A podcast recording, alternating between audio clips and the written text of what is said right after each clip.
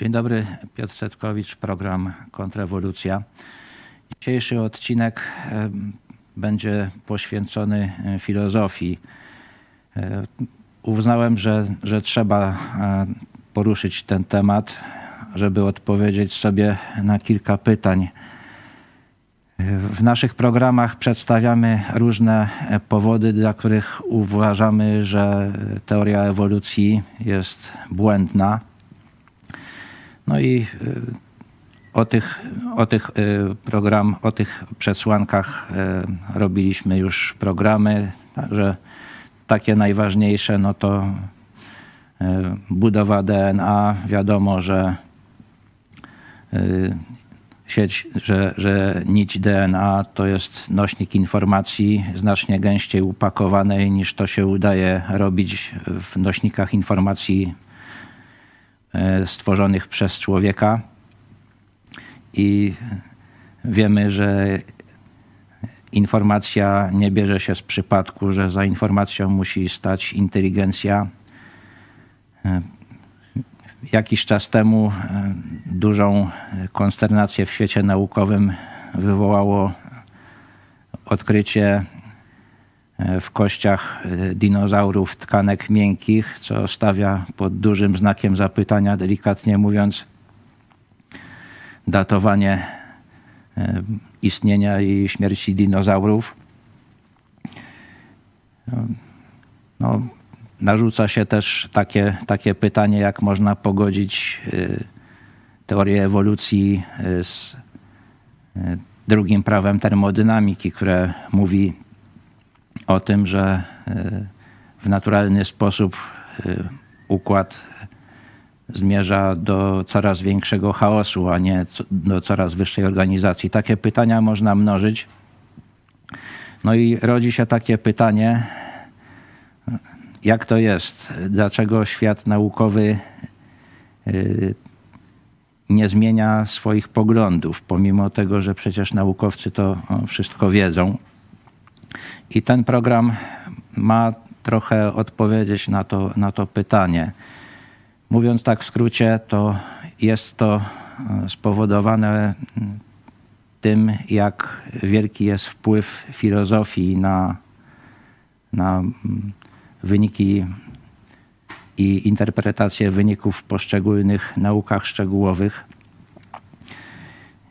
Drugą taką przyczyną jest yy, wielka porażka, jaką chrześcijaństwo poniosło w XIX wieku i o przyczynach tej porażki też będę chciał e, trochę e, powiedzieć.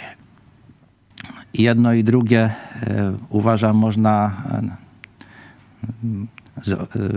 jakby przedstawić, ukazując tak w dużym skrócie filozofię Arystotelesa i historię jej związku z chrześcijaństwem. To tutaj właśnie widzimy rzeźbę Arystotelesa. Tak wyglądał. Jest to człowiek uważany za, moim zdaniem, słusznie największego filozofa greckiego. Jego zasługą, tak, tak w dużym skrócie można powiedzieć, że on zebrał i przebrał dorobek greckich myślicieli, tak zwanych filozofów, a był to dorobek ogromny, jak e, śledzi się e, no, tematy rozważań e, i badań współczesnej nauki, to można dojść do wniosku, że że właściwie od, od czasów Greków to niewiele nowych pomysłów przyszło ludziom do głowy. No, także filozof, także sama ewolucja to też nie jest pomysł nowy. Już, już filozofowie greccy takie, takie pomysły mieli. Na przykład Anaksymander uznał, że y, organizmy lądowe y, powstały w wyniku ewolucji z organizmów morskich, no a człowiek powstał z tych organizmów lądowych trochę prostszych. No, przy czym no, tak już e, szczegółowo przodka człowieka nie wskazał, z tego co mi wiadomo.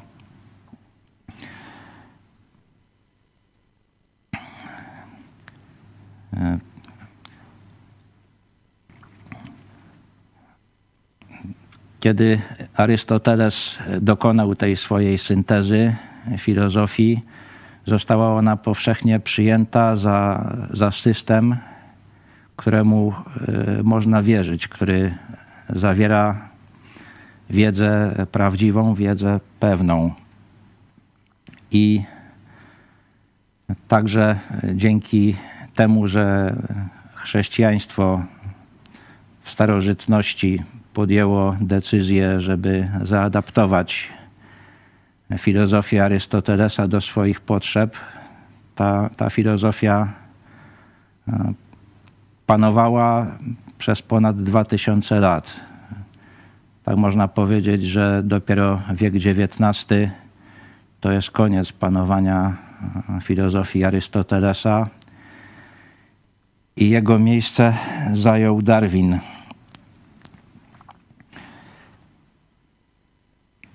Także w starożytności został, został on uznany za tego najwybitniejszego filozofa i e, taką opinię utrzymywał no, dzięki też e,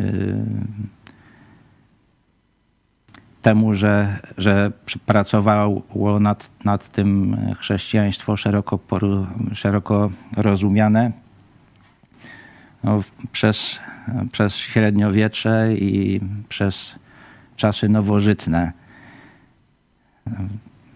W średniowieczu można powiedzieć, że y, uprawianie nauki to y, sprowadzało się do poszukiwania, co w danej sprawie napisał Arystoteles, ewentualnie komentowania tych jego stwierdzeń i jeżeli uznano, że Arystoteles się na jakiś temat wypowiadał, to to, to zamykało sprawę. Także można powiedzieć, że podchodzono do Arystotelesa w podobny sposób jak, jak do Biblii i, i w gruncie rzeczy uważano to za, za równie pewne źródło wiedzy jak, jak Biblia, chociaż dotyczące innego zakresu wiedzy. No. Można powiedzieć, że w dalszym ciągu żyjemy y, w jakimś, w jakimś stopniu y, korzystając z dorobku tego człowieka i to jest, y, to się objawia i w słowach, które używamy i, i też, też w pewnych schematach myślowych, których ciągle używamy, bo, bo są e, dobre. Także Arystoteles jest uważany za, za, twór, za twórcę logiki. On, on zapoczątkował e, to spisywanie reguł poprawnego wnioskowania. On też jako pierwszy e, no, no, zabrał się za e, jakby tworzenie definicji tego, co jest e, nauką, jaki, jaki system przekonań na tę nazwę zasługuje. No i tutaj taki, te, takimi wyróżnikami no to jest to, że żeby coś było uznawane za naukowe twierdzenie, no to muszą być jakieś przesłanki, które, z których się wyprowadza wniosek, który musi odpowiadać zasadom logiki. No musi też być ścisła definicja tego, tego o czym mówimy. Te definicje rodziły się też w bólach. No tutaj jest taka, takim przykładem historia definicji człowieka, którą Arystoteles i jego uczniowie e, e, sformułowali. No, zaczęli od tego, iż człowiek jest to istota dwunożna, pozbawiona piór i futra. No, wtedy inny filozof, Diogenes, przyszedł do nich ze skubanym kogutem i powiedział, że przyniósł człowieka. No, wybrnęli z tego w taki sposób, że dodali do definicji, że człowiek ma płaskie paznokcie. E, do czasów Arystotelesa e, ci greccy myśliciele jakby no, rzeźbili w różnych, w różnych dziedzinach, nawet, nawet nie wiedząc o tym, że są to różne dziedziny. Także oni się zajmowali i dzisiejszą matematyką, i dzisiejszą e, fizyką, i dzisiejszą e, psychologią, teologią, astronomią. No, Arystoteles jako pierwszy e, stwierdził, że, e, że tak dalej być nie może, że ilość wiedzy rośnie, że, że są różne, różne gałęzie wiedzy, każda z nich ma swoją specyfikę, swój sposób prowadzenia tej, tej, tej wiedzy. No i zapoczątkował podział, co nie jest rzeczą prostą, o czym wie każdy, kto próbował cokolwiek podzielić, czy to tekst literacki, czy, czy tort, czy spadek. No ale ten, ten podział, który wprowadził Arystoteles w dużym stopniu do dzisiaj się utrzymał. Także to podzielił wiedzę na nauki teoretyczne, czyli służące zdobywaniu czystej wiedzy. To jest ta tak zwana metafizyka, matematyka, fizyka. Drug, druga gałąź to są nauki praktyczne, przy czym, przy czym nauki praktyczne to, są, to były zdaniem Arystotelesa nauki, które, które miały E, służyć zdobywaniu wiedzy potrzebnej do, do osiągnięcia moralnej doskonałości. No i tutaj tymi, tymi gałęziami wiedzy to była etyka i co może kogoś zdziwić, polityka. No, to się wydaje może, może trochę dziwne, ale Arystoteles wychodził z założenia, że, że każdy przedmiot ma swoją istotę oraz przypadłości. No i istotą polityki jest zabieganie o dobro wspólne i żadna ilość przypadłości oraz, oraz to, tego, oraz to, że są one odrażające niekiedy, nie może wpłynąć na, na jej istotę, nie zmienia jej. No i były też także nauki, których celem było zdobycie wiedzy mającej e, pomagać w wytwarzaniu różnych przedmiotów. No, Arystoteles e, napisał takie dzieło Fizykę Acroasis, czyli wykłady o naturze, które, którą można uznać za początek dzisiejszej fizyki. Napisał dzieło Peripsyche, czyli o duszy, no, którą można uznać za, za początek psychologii. Napisał dzieło Meteorologika i meteorologia też można powiedzieć wywodzi się od Arystotelesa. E, także, e, także to, to są przykłady, że, że chociaż Ar, autorytet Arystotelesa rzeczywiście w znacznym stopniu upadł, to, to ciągle żyjemy, że tak powiem, w jego, korzystając z jego, z jego dorobku i, i jego myśl ciągle wywiera wpływ na nasze życie.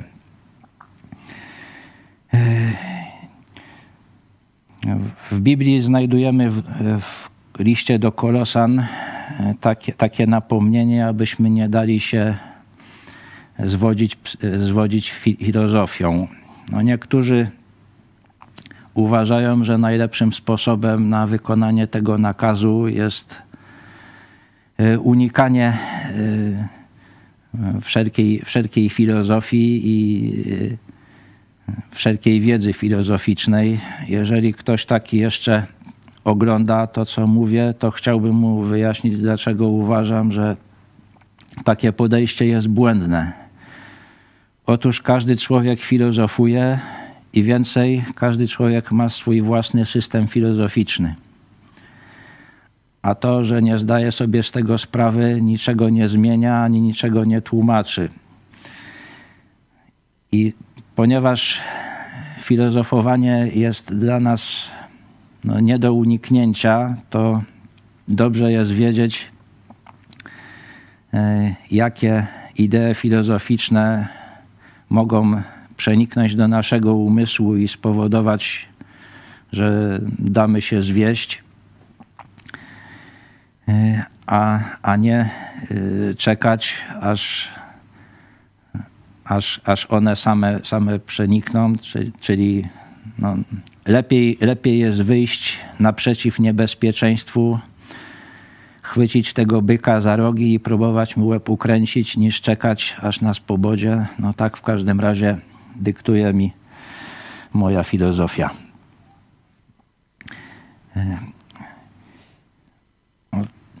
Jeżeli chodzi o takie podstawowe poglądy, to, to taki, takim jednym z podstawowych pytań filozoficznych to jest skąd wziął się świat. No i filozofowie greccy różnie na to odpowiadali. Jedni uważali, że wszystko zaczęło się od wody, na przykład Thales z Miletu. Inni, że, że, tym, że tą pierwszą przyczyną był ogień. No, jak na to odpowiadał Arystoteles? No, on odpowiadał na to w taki sposób, że że materia nigdy nie powstała, bo istniała zawsze. No i tutaj już, już może się e, może się rodzić, rodzić pytanie, no czy, no czy rozsądne było, żeby tę filozofię zaadaptować do potrzeb chrześcijaństwa, które mówi, że wszystko zostało stworzone przez Boga, no ale, w, ale w czasach, kiedy podejmowano te decyzje, no to jakoś, jakoś to, e, tego, to pytanie no nie, nie przebiło się do powszechnej świadomości. No najwidoczniej uznano, że, że jest to system tak, tak wiarygodny, tak rozpowszechniony, że, że nie ma innego wyjścia, tylko, tylko jakoś, jakoś go zaadoptować.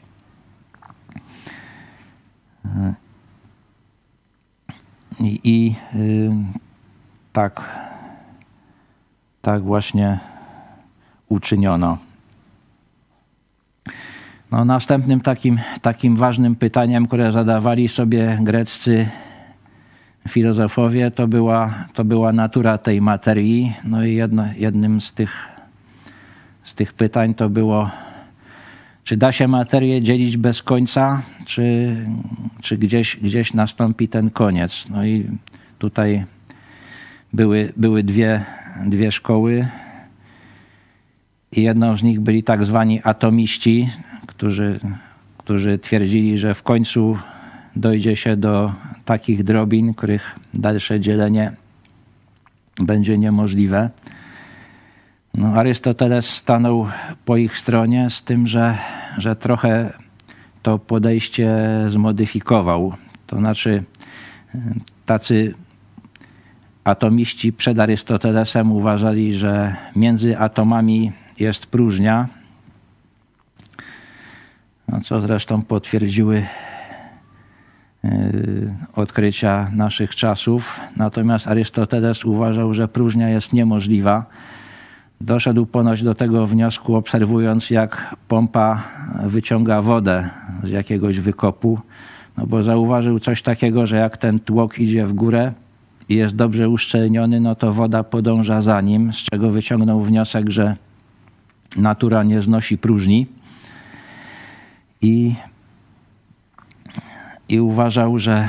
Yy, że jedynym ograniczeniem przy, przy takim wyciąganiu wody to jest, to jest y, długość cylindra, że, czyli że niezależnie od tego, jak, jaki ten cylinder będzie długi, no to woda będzie za nim podążać. No i też uważał, że, że, to, że to, to samo dotyczy atomów, że żadna próżnia między atomami nie jest możliwa i będą one e, zawsze przylegać do siebie. No i y, uważał, że, że istnieje pięć elementów, z których składa się y, cała materia. No i wyobrażał sobie te elementy w taki sposób. To jest pierwszy z tych elementów, czyli ogień, ma formę e, czworościanu foremnego. Drugim, drugim elementem jest, jest ziemia, która ma, ma postać sześcianu. I y, jeżeli chodzi o ogień, to on ma taką tendencję, że, że według Arystotelesa miał dążyć zawsze, zawsze do góry, na zewnątrz wszechświata. Natomiast, natomiast Ziemia zawsze dążyła do środka wszechświata. Jak te atomy wiedziały, gdzie jest, gdzie jest, gdzie jest kraj wszechświata, gdzie, gdzie środek, no to już w to Arystoteles nie wnikał. Ta, uważał, że tak, że tak, y, takie po prostu jest życie, taka jest ich natura. No, następnym elementem było powietrze. Ono miało postać według Arystotelesa ośmiościanu foremnego. Bryła foremna to jest taka, że wszystkie jej boki mm, stanowią y, figury płaskie foremne, czyli, czyli mające wszystkie jednakowe boki. I y, takich wielościanów foremnych jest, jest pięć i też było według Arystotelesa pięć tych podstawowych elementów. No, kolejnym była woda, która była dwudziestościanem foremnym. No i miała tendencję do tego, aby, aby zmierzać ku środkowi wszechświata,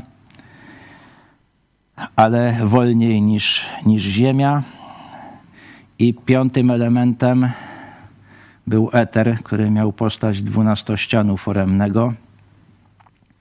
No te cztery pierwsze elementy e, można powiedzieć, że są niezbędne do, do podtrzymywania życia. No bo bez, bez ziemi, bez wody i bez powietrza żyć się nie da, bez ognia też dosyć często, dlatego nazwano je żywiołami. I one zdaniem Arystotelesa tworzyły y, tak zwany świat podksiężycowy, czyli, czyli mm, Ziemię oraz, oraz obszar, który znajdował się poniżej orbity Księżyca. Natomiast eter był y, elementem, którego było, był zbudowany wszechświat ponad orbitą Księżyca, ponad, ponad tą sferą, która która e, e, zawierała zdaniem Arystotelesa księżyc, to jeszcze do tego dojdę. I e, według Arystotelesa te cztery elementy tworzące ten nasz świat bez ustanku się łączyły i rozpadały. Także nie, nie ma i, i zdaniem Arystotelesa nigdy nie będzie na tym naszym świecie, w którym my żyjemy, czegoś trwałego, czegoś, co, co zachowa się od, od zepsucia, od rozpadu. Natomiast w tym, w tym wszechświecie dalszym, tym ponad, ponadksiężycowym, wszystko jest zbudowane z eteru, który jest niezmienny, który istnieje wiecznie i ten świat ponadksiężycowy to jest świat, w którym nie ma, zdaniem Arystotelesa, żadnych zmian. I, i jeśli, jeśli w tym naszym świecie dominują ruchy albo, albo do, do środka Ziemi, albo, albo ku, ku krawędzi wszechświata, to, to w tym świecie ponadksiężycowym dominują ruchy, ruchy kołowe, no a to, to wynikało jego zdaniem z tego, że, że jeżeli by cały czas iść po prostej, no to by się doszło do, do, do krawędzi wszechświata dalej już iść nie można. Natomiast ruch po okręgu może trwać bez końca. No, ten świat, zdaniem Arystotelesa, cały miał postać kuli, no, która, której doskonałość właśnie wynikała z tego, że może się obracać, a pomimo tego, że się obraca, zajmuje cały, cały czas to samo położenie i ten ruch też może trwać wiecznie. Także y, następnym takim powodem, dla którego chrześcijaństwo uznało, że filozofię Arystotelesa da się zaadoptować, to było to, że Arystoteles uznawał istnienie jednego Boga. Tylko, że ten Bóg no, no zupełnie nie przypominał tego Boga, który, który objawia Biblia. No, no, chrześcijanie w starożytności pewnie uznali, że skoro różne pojęcia filozofii greckiej da się użyć do, do tego, żeby przekazać treści, które objawia Biblia, na, na co dowodem jest chociażby Ewangelia Jana, e, gdzie, gdzie jest użyty ten grecki termis, termin logos, czyli dusza wszechświata, to i, to i całą filozofię Arystotelesa da się, że tak powiem, ochrzcić wyciągnąć z niej Boga Arystotelesa, wstawić, wstawić Boga Biblii i jedno do drugiego będzie, będzie pasować. No niestety okazało się, że, że to nie pasowało i kiedy, kiedy ludzkość na tyle e, e, no, e, zaczęła badać naturę świata i, i przestała się trochę przejmować tym, co, co mówiono kiedyś, no to okazało się, że, że ta filozofia jest jednak w wielu miejscach błędna, a, i, a chrześcijaństwo na tyle mocno się zaangażowało e, w obronę filozofii Arystotelesa, że kiedy nastąpiła klęska tej filozofii to była też to klęska chrześcijaństwa. I to myślę jest w dużym stopniu kluczem do zrozumienia, dlaczego w tej chwili mamy y, to, co mamy.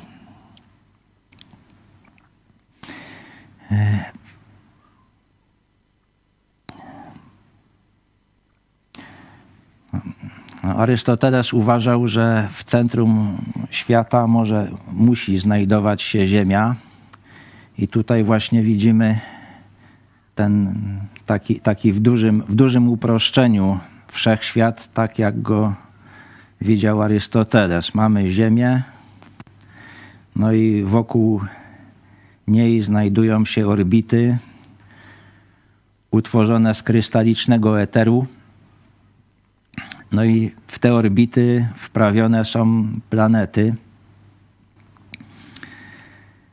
No a te, te kolejne e, sfery no, wykonują ruch obrotowy, tak jak to Arystoteles uważał, że to jest, że to jest ten ruch, który może trwać wiecznie.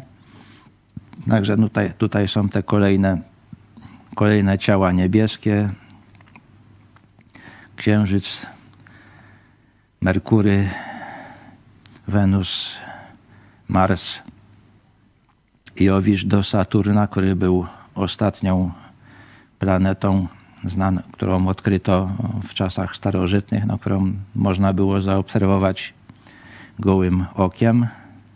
No to, jest, to jest taki schemat bardzo uproszczony. No tutaj to można powiedzieć, że jest to taki przekrój, bo, bo to wszystko, bo każda, każda ta każda ta, ta, ta półkula ma, ma też, też, też część, że tak powiem, górną.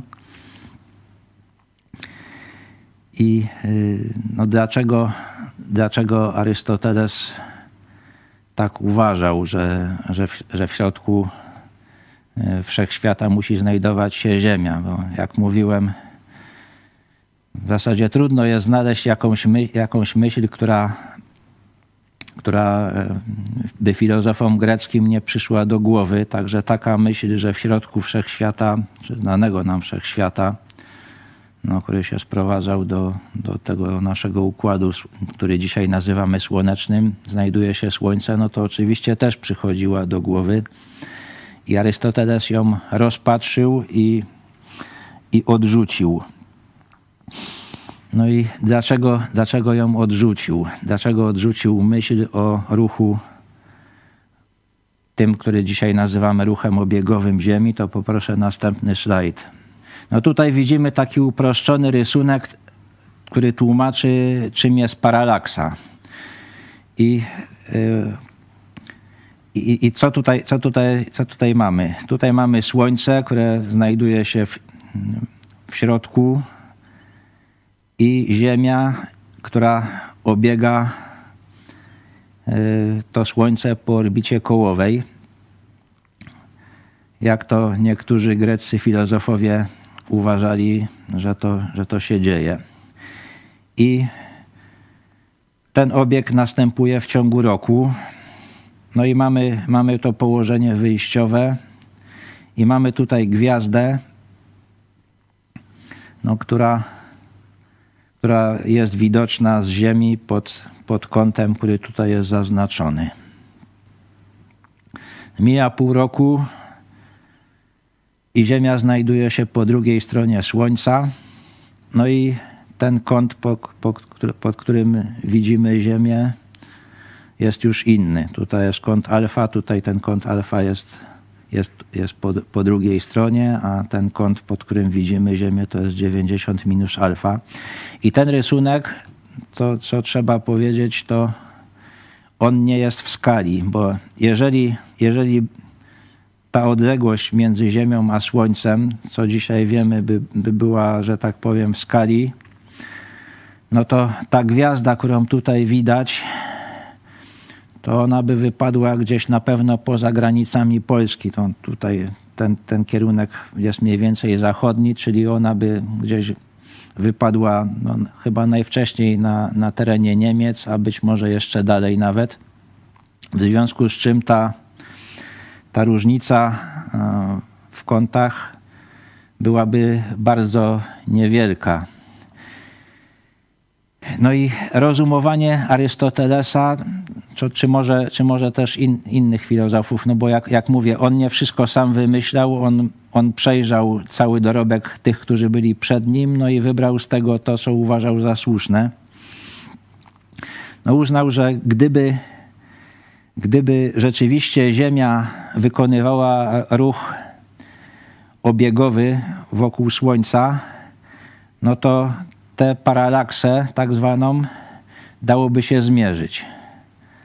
A nie da się jej zmierzyć, nie da się jej w ogóle stwierdzić.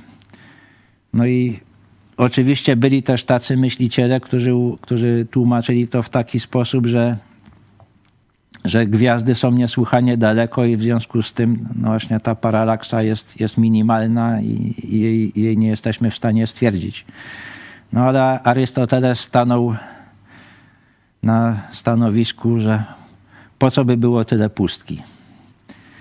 I na tej podstawie odrzucił teorię o, o ruchu e, obiegowym, o ruchu obiegowym Ziemi. No a dlaczego, dlaczego zdaniem Arystotelesa Ziemia nie mogła się poruszać wokół swojej własnej osi? No otóż już wtedy mniej więcej wiedziano, że E, ruch, że, że Ziemia to jest dosyć spora. Że tak, tak z grubsza rzecz biorąc, już, już ludzie wiedzieli, że, znaczy wiedzieli dokładnie, że Ziemia jest, jest kulą, bo, bo dowodem na to było to, że jak dochodzi do zaćmienia księżyca, to cień Ziemi jest, jest zawsze okręgiem czy jakąś częścią okręgu. No i było jasne, że tylko kula może, może taki cień rzucać. No i już zaczęto oceniać rozmiary tej kuli.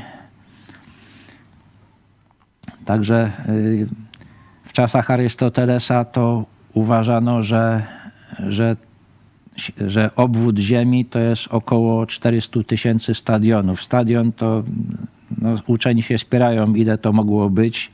Najczęściej się przyznaje, że uważa, że to jest 160 metrów, czyli, czyli obwód Ziemi byłby e, około 64 tysięcy kilometrów.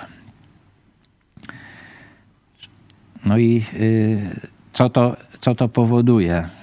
No też wiadomo było, że, że jeżeli, jeżeli by uznać, że ten, że ten cykl dzienny to jest, to jest spowodowany obrotem Ziemi, no to by znaczyło, że, że ta Ziemia musiałaby wykonywać obrót w ciągu 24 godzin, a w związku z tym to jej prędkość względem osi, tak jak i dowolnego punktu na powierzchni Ziemi względem osi, musiałaby być olbrzymia.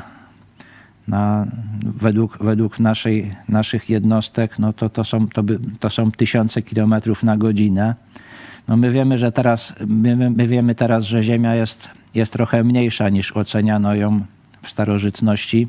To zresztą już, już Erastotenes w III wieku dość dokładnie to obliczył, że to nie jest to nie jest 400 tysięcy stadionów, tylko 252 tysiące stadionów. No i w przeliczeniu na, na kilometry to by wychodziło 40 tysięcy i 320 kilometrów.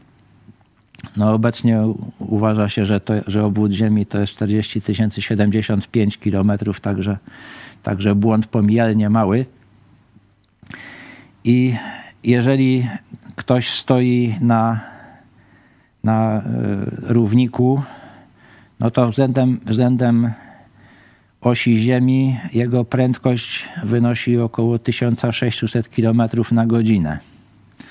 No i co, co z tego wynika? No, nie znajdował Arystoteles żadnego powodu, dla którego powietrze miałoby się obracać razem z Ziemią, czyli wniosek się nasuwał, że jeżeli Ziemia się obraca, to powinny wiać potworne wiatry i nic by się przy takich wiatrach nie utrzymało, a takich wiatrów się nie stwierdza, w związku z czym wniosek się wydawał oczywisty, że Ziemia stoi. A w związku z tym no, cały, cały ten ruch dobowy i, i ruch i, i roczny no, to jest spowodowany tym, że, że obracają się te wszystkie ciała wokół Ziemi no, obracają się na tych, na tych eterycznych orbitach, w które są wprawione. No i y, też tutaj y, no, warto opowiedzieć o, o poglądach Arystotelesa na temat, na temat tego, jaka jest przyczyna ruchu. No, tak w skrócie można powiedzieć, że, że Arystoteles uważał, że przyczyną ruchu jest siła i i rozumował prosto. Jeżeli siła działa, no to ciało się porusza. Jeżeli siła przestaje działać, no to ciało się przestaje poruszać. No, z, czego to, z czego to się brało? No, no moim zdaniem no, brało się to z tego, że, że takim normalnym doświadczeniem w tym czasie to był wóz z zaprzęgiem oraz taczki. I, i, I w wozie z zaprzęgiem i w taczkach to tak właśnie jest, że jak, jak mamy taczki, no to jak, je, jak działamy na nie siłą, no i to jeszcze odpowiednio dużą, no to te taczki jadą. Jeżeli przestajemy działać siłą, no to taczki momentalnie stają. I też podobnie jest z wozem. Jeżeli bez względu na to, czy do wozu zaprzęgnięty jest koń, czy osioł, czy wół, no to dopóki to zwierzę pociągowe oddziaływuje siłą na, na, na wóz, no to, no to ten wóz się porusza.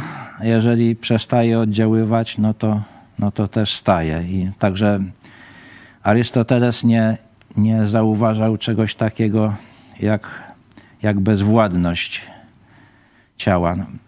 Ten jego pogląd y, miał pewne, pewne E, uluki i, i to oczywiście też zauważono. No, takie problemy były dwa. Jednym problemem to był oszczep.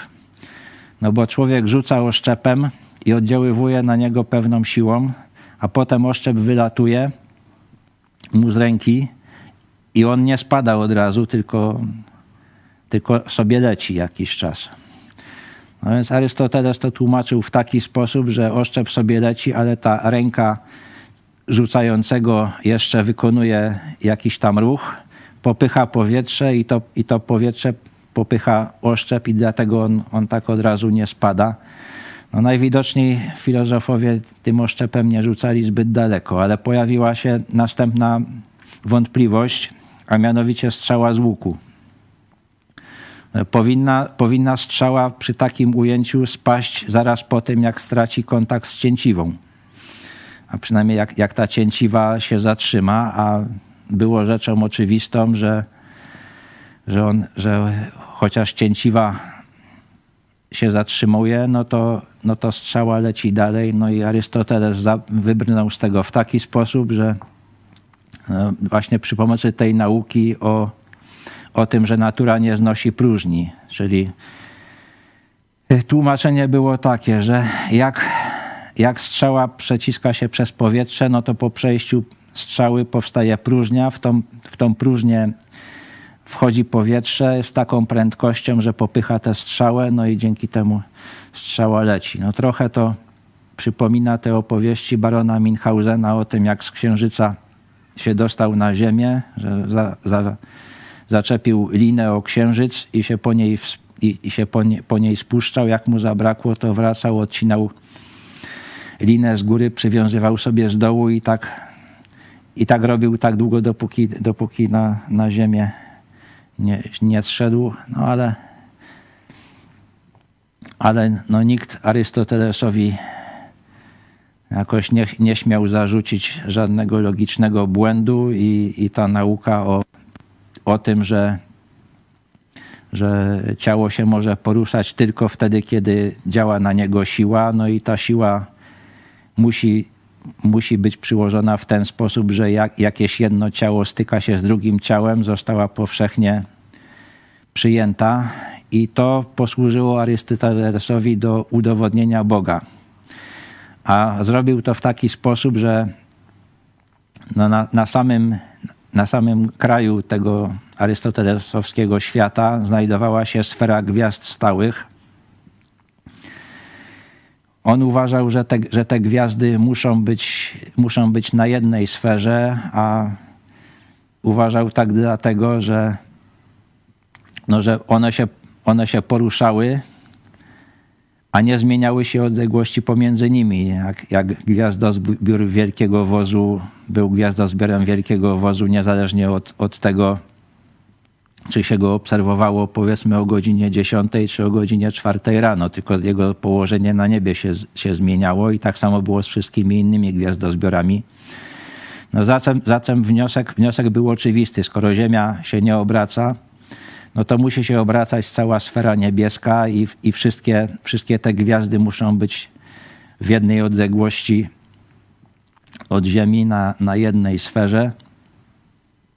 No, a, takie, a takie zresztą wrażenie się odnosi, kiedy się na niebo patrzy. No i powstawało e, pytanie, kto, czemu ta sfera się obraca. No i wtedy Arystotele, Arystoteles, aby odpowiedzieć na to pytanie, uznał, że to jest właśnie działanie tego Boga, którego e, istnienie uznawał, że on tam stoi poza, poza tym wszechświatem, no i cały czas obraca tą sferą niebieską, no i w tym, że mu się to nigdy nie znudzi, wyraża się jego doskonałość. No natomiast e, ten, ten Bóg, w którego istnienie Arystoteles wierzył, jego zdaniem nie interesował się w ogóle tym, co się dzieje w tym świecie podksiężycowym. Także na jego pomoc człowiek zupełnie nie mógł liczyć. No nie mógł też liczyć na, na życie wieczne, ponieważ no, zdaniem Arystotelesa jedyną y, rzeczą, która z człowieka zostawała po śmierci, to był jego rozum, czyli można powiedzieć, zosta, jego zdaniem zostanie z nas ogromnie mało. Ciało się rozłoży y, istniała jego zdaniem tak zwana dusza wegetatywna, która odpowiadała za, za, za to, że organizm się rozwija, że organizm się odżywia, trawi. Ona też miała ginąć razem z ciałem. Istniała dusza, która mm, odczuwała emocje, która odczuwała popędy. Ona też miała zginąć razem z ciałem. No i istniała ta dusza rozumna, która była pierwiastkiem boskim, czyli nie mogła zginąć, ale co się z nią działo, no to, no to tego to już Arystoteles e, specjalnie nie, nie omawiał.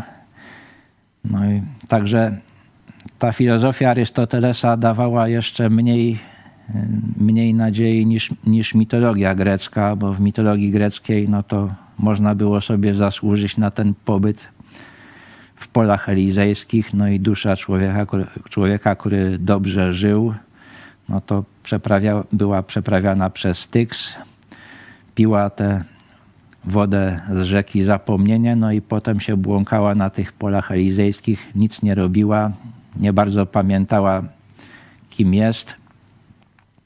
Co, no i, i to było wszystko. Także kiedy apostoł Paweł pisał o, o przyszłym życiu i, i porwaniu Kościoła, no to, no to pisał, że inni nie mają nadziei. I to, to rzeczywiście tak, tak można, można powiedzieć, że rzeczywiście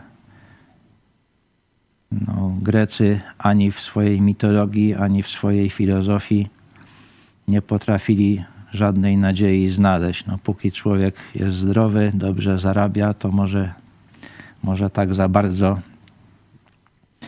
y, mu ta, ta kwestia nie doskwiera, ale, no, ale może się zdarzyć, że, że doskwierać zacznie.